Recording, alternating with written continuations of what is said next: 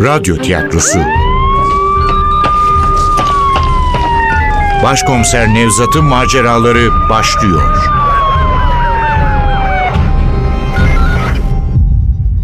Kırlangıç Çığlığı 18. Bölüm Eser Ahmet Ümit Seslendirenler Başkomiser Nevzat Nuri Gökaşan Komiser Ali Umut Tabak Celile Hanım Parla Şenol Şaban Reis Erkan Taşdöğen Piyade Fatih Özkul Efektör Cengiz Saral Ses Teknisyeni Hamdullah Süren Yönetmen Yusuf Canlı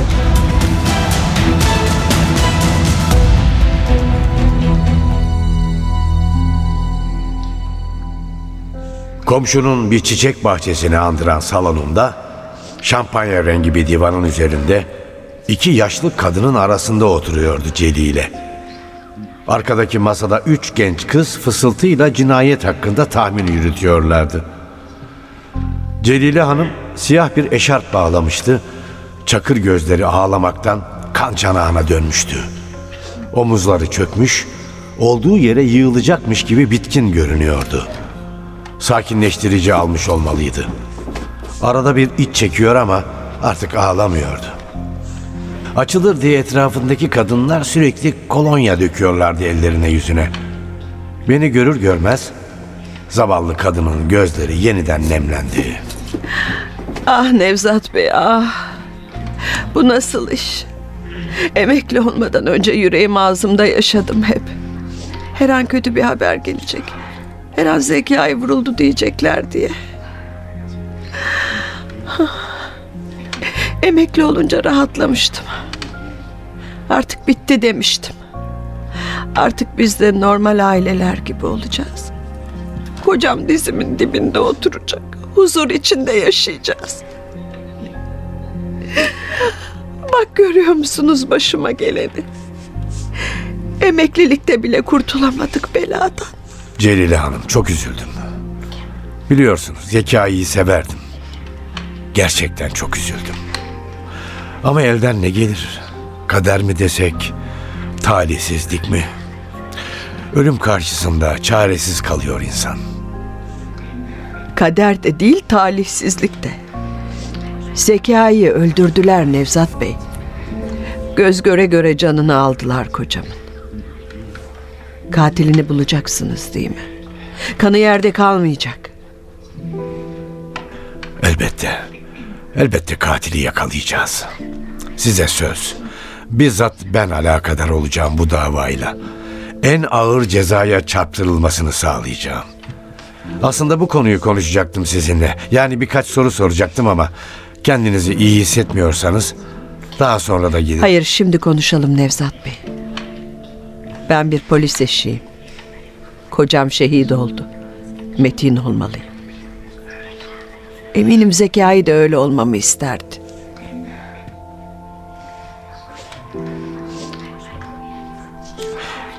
E, konuşsak iyi olur ama hazır değilseniz e, yarın yarın Yarın daha iyi olmayacağım ki Nevzat Bey. Lütfen. Neyi merak ediyorsanız sorun. Şimdi konuşalım.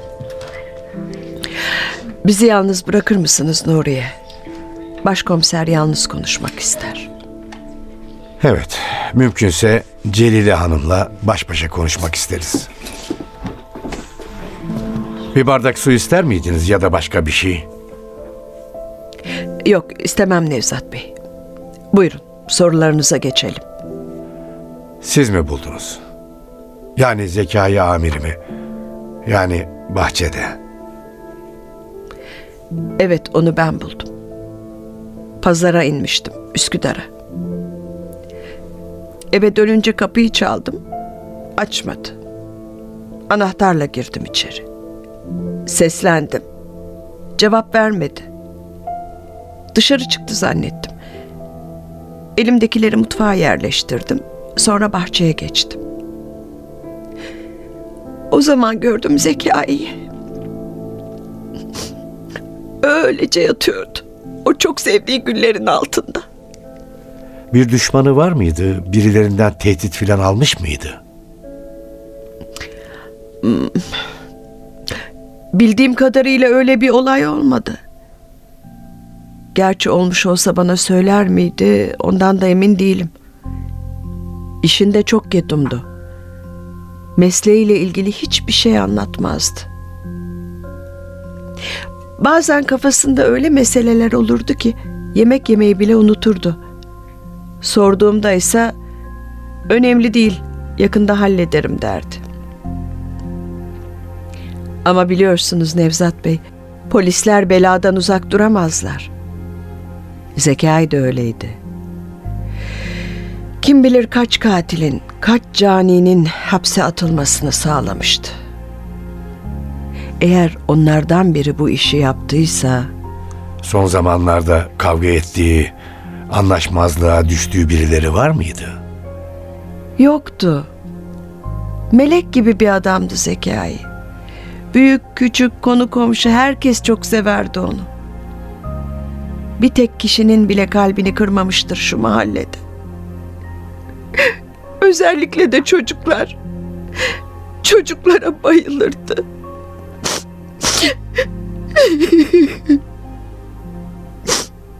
Yok. Kimseyle bir davamız olmamıştı. En küçük bir tartışma bile yaşamadık mahalleliyle. Ne bir düşmanımız vardı ne de kin duyan biri. İsterseniz daha sonra konuşalım. Ha- Hayır. Hayır şimdi konuşalım. Bir an önce yakalansın. O zaman lütfen beni dikkatle dinleyin Celile Hanım. Zekai amirim bir dava üzerinde çalışıyor muydu? Yani size çözülmemiş bir cinayet vakasından söz etti mi? Nasıl çalışabilir ki? Emekli olmuştu ya Zekai. Ne yani?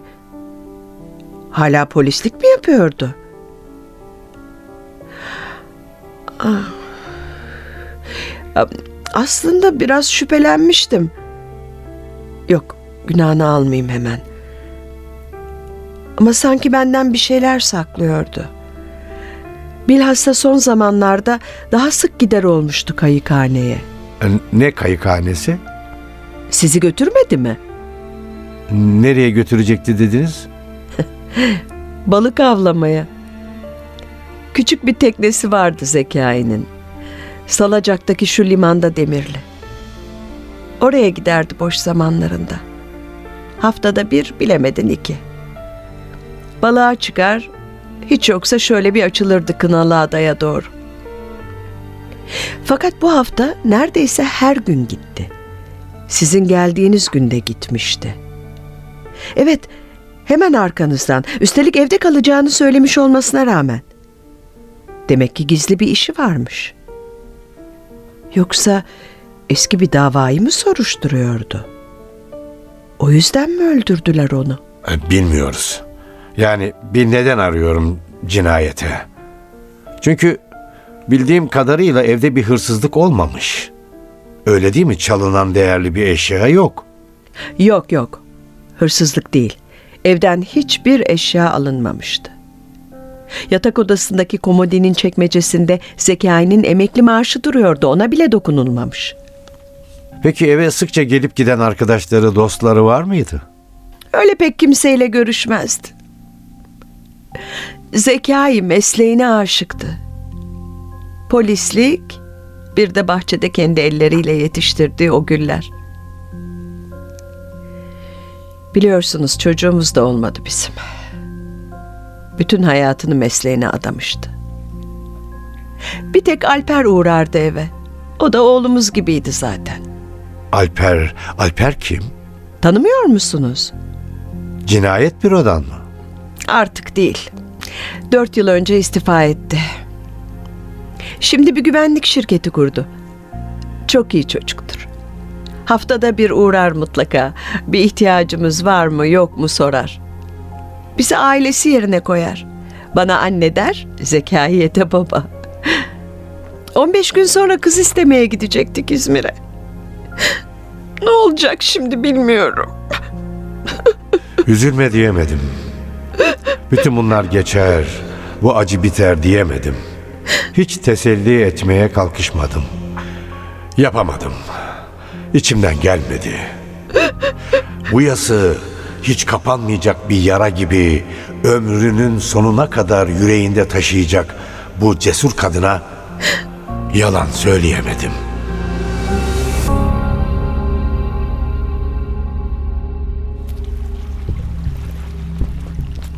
İstanbul'a nereden bakmak istersin diye sorsalar hiç duraksamadan salacak derim. Çünkü şehrin görkemli silüeti en iyi buradan görünür. Hele bir de gece ise çöken karanlık. Bu kadim şehrin kalbine çakılan o iğrenç binaların sert çizgilerini silikleştirmeye başlamışsa. Rahmetli Zekai'nin teknesinde arama yapmak için Salacak'a geldiğimde aklımdan bu düşünceler geçiyordu. Kanun Benim adlı teknenin harem iskelesine birkaç yüz metre kala yapılmış balıkçı barınağında demirli olması gerekiyordu. Zavallı Celile Hanım teknenin adını söylediğinde başımı sallamış. Ah be zekayı. Keşke kanun benim diyeceğine bilgileri bizimle paylaşsaydın ya diye içimden geçirmiştim. Eğer öyle yapsaydı büyük ihtimalle o hayatta körebede hapiste olurdu. Balıkçı barınağına bakan Şaban Reis'in küçük barakasına yaklaşınca kesif bir anason kokusu çarptı burnuma. Ters çevrilmiş portakal sandığının üzerinde küçük bir tepsinin içinde soğanı bol bir domates salatası, yanında iki çay bardağı ve kocaman bir ekmek göze çarpıyordu. Yan tarafta küçük bir mangal üzerinde henüz cızırdamaya başlayan istavritler vardı. Ama ortalıkta canlı namına kimse görünmüyor derken içeriden birinin sesi yükseldi. Bitirmişsin koca şişeyi. Böyle utanmadan karşıma geçmiş yalan söylüyorsun. Vallahi ben içmedim Şaban abi. Akşam sen içtin ya. Hatırlamıyorsun. Yalan söyleme. Vallahi reis niye inanmıyorsun? Siz de kimsiniz? İnsan kapıya vurur. Size diyorum hemşerim. Ne selamsız sabahsız dalıyorsunuz? Terbiyesizlik etme. Polisiz biz, polis. Ne yapıyorsunuz burada? Öyle desene amirim. Ne bilelim emniyetten olduğunuzu. Piyadeyle muhabbet ediyorduk biz de. Eyvallah amirim. E, sohbet ediyorduk öylesine. Buraya sen mi bakıyorsun? Bütün bu balıkçı barınağına Evet amirim.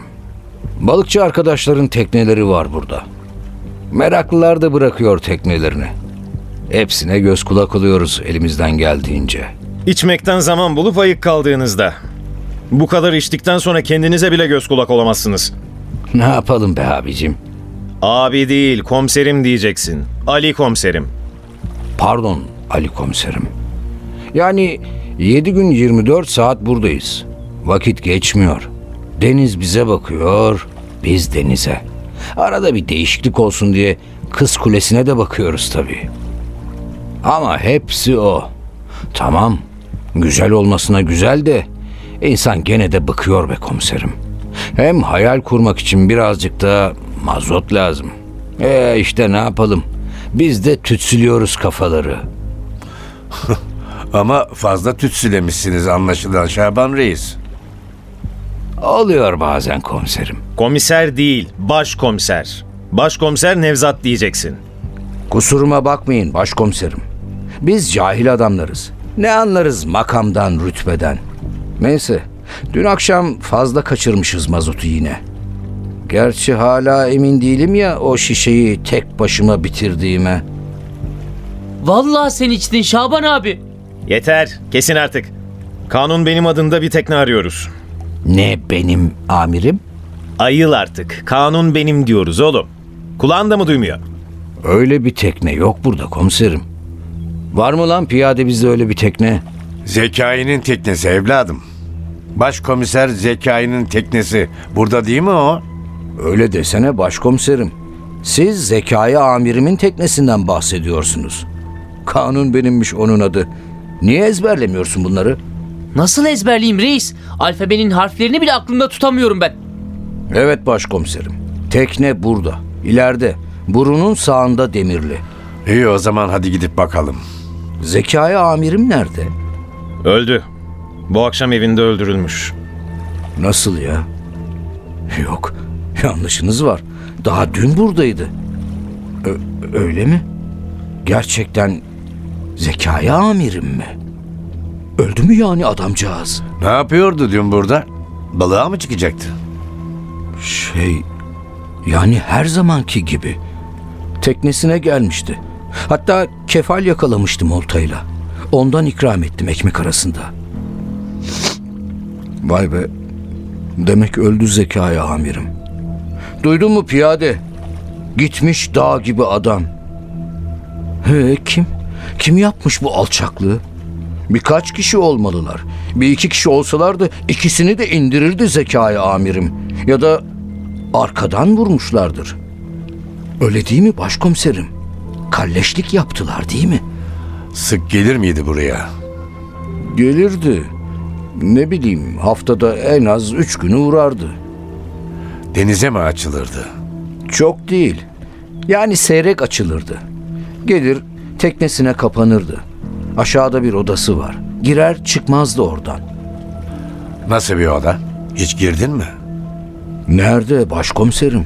Tövbe tövbe. Kabe gibi kutsaldı. Kimseyi sokmazdı ki oraya. Bir keresinde elinde poşetlerle gelmişti.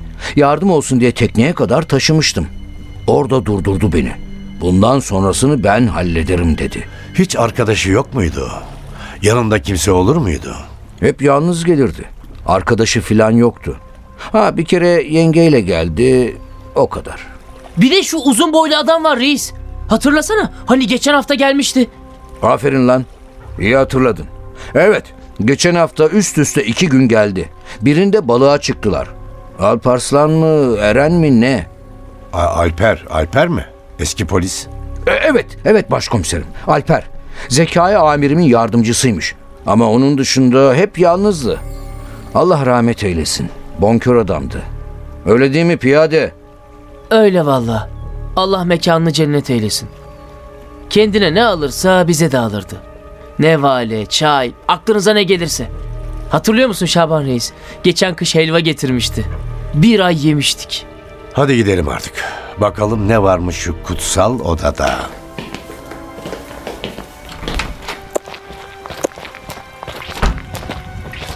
Yanıyor lan yanıyor. Topla şunları çabuk.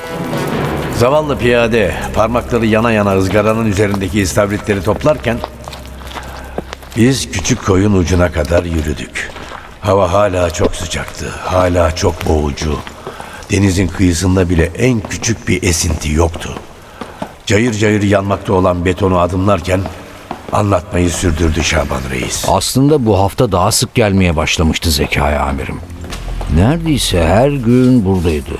Elinde siyah çantasıyla öğleye doğru gelip akşama kadar da kalırdı. Çantada ne olduğunu biliyor musun? İçindekileri gördün mü? Yok Ali komiserim. Nereden göreyim? Allah rahmet eylesin. Zekai amirim ketum adamdı. Böyle yüz göz olmazdı. Hep bir mesafe vardı aramızda. Öyle de olması icap ederdi. İyi adamdı. Kiminle ne konuşacağını bilirdi. Hah, işte orada tekne. Yaklaşınca beyaz zemin üzerine yazılmış kanun benim yazısı belirdi gözlerimizin önünde. Önce Şaban bindi tekneye. Biz de onu izledik. Merdivenlerden aşağı birkaç adım atmıştı ki bağırtısını duyduk. Hadi be. Hırsız girmiş ya buraya. Vallahi başkomiserim görüyor musun? Talan etmişler ortalığı. Ali eliyle sağa çekti reisi. Hızla indik merdivenlerden aşağıya. İlk gözüme çarpan aşağıya açılan kapıdaki asma kilidin kırılmış olduğuydu. İçeri girince bizi daha büyük bir sürpriz bekliyordu. Küçük odanın duvarları, fotoğraflar, gazete küpürleriyle kaplıydı. Tahmin edileceği gibi körebenin işlediği cinayetlerle ilgili materyaller vardı. Yerde siyah bir çanta duruyordu. Kapağı açılmış, içi boşaltılmıştı. Ve biz Ali ile göz göze geldik. Körebez olayı patlatmış başkomiserim. İşe yarar ne varsa alıp götürmüş. Kırlangıç Çığlığı. Eser Ahmet Ümit. Seslendirenler Başkomiser Nevzat Nuri Gökaşan Komiser Ali Umut Tabak. Celile Hanım Parla Şenol. Şaban Reis Erkan Taşdöğen. Piyade Fatih Özkul. Efektör Cengiz Saral. Ses Teknisyeni Hamdullah Süren. Yönetmen Yusuf Canlı.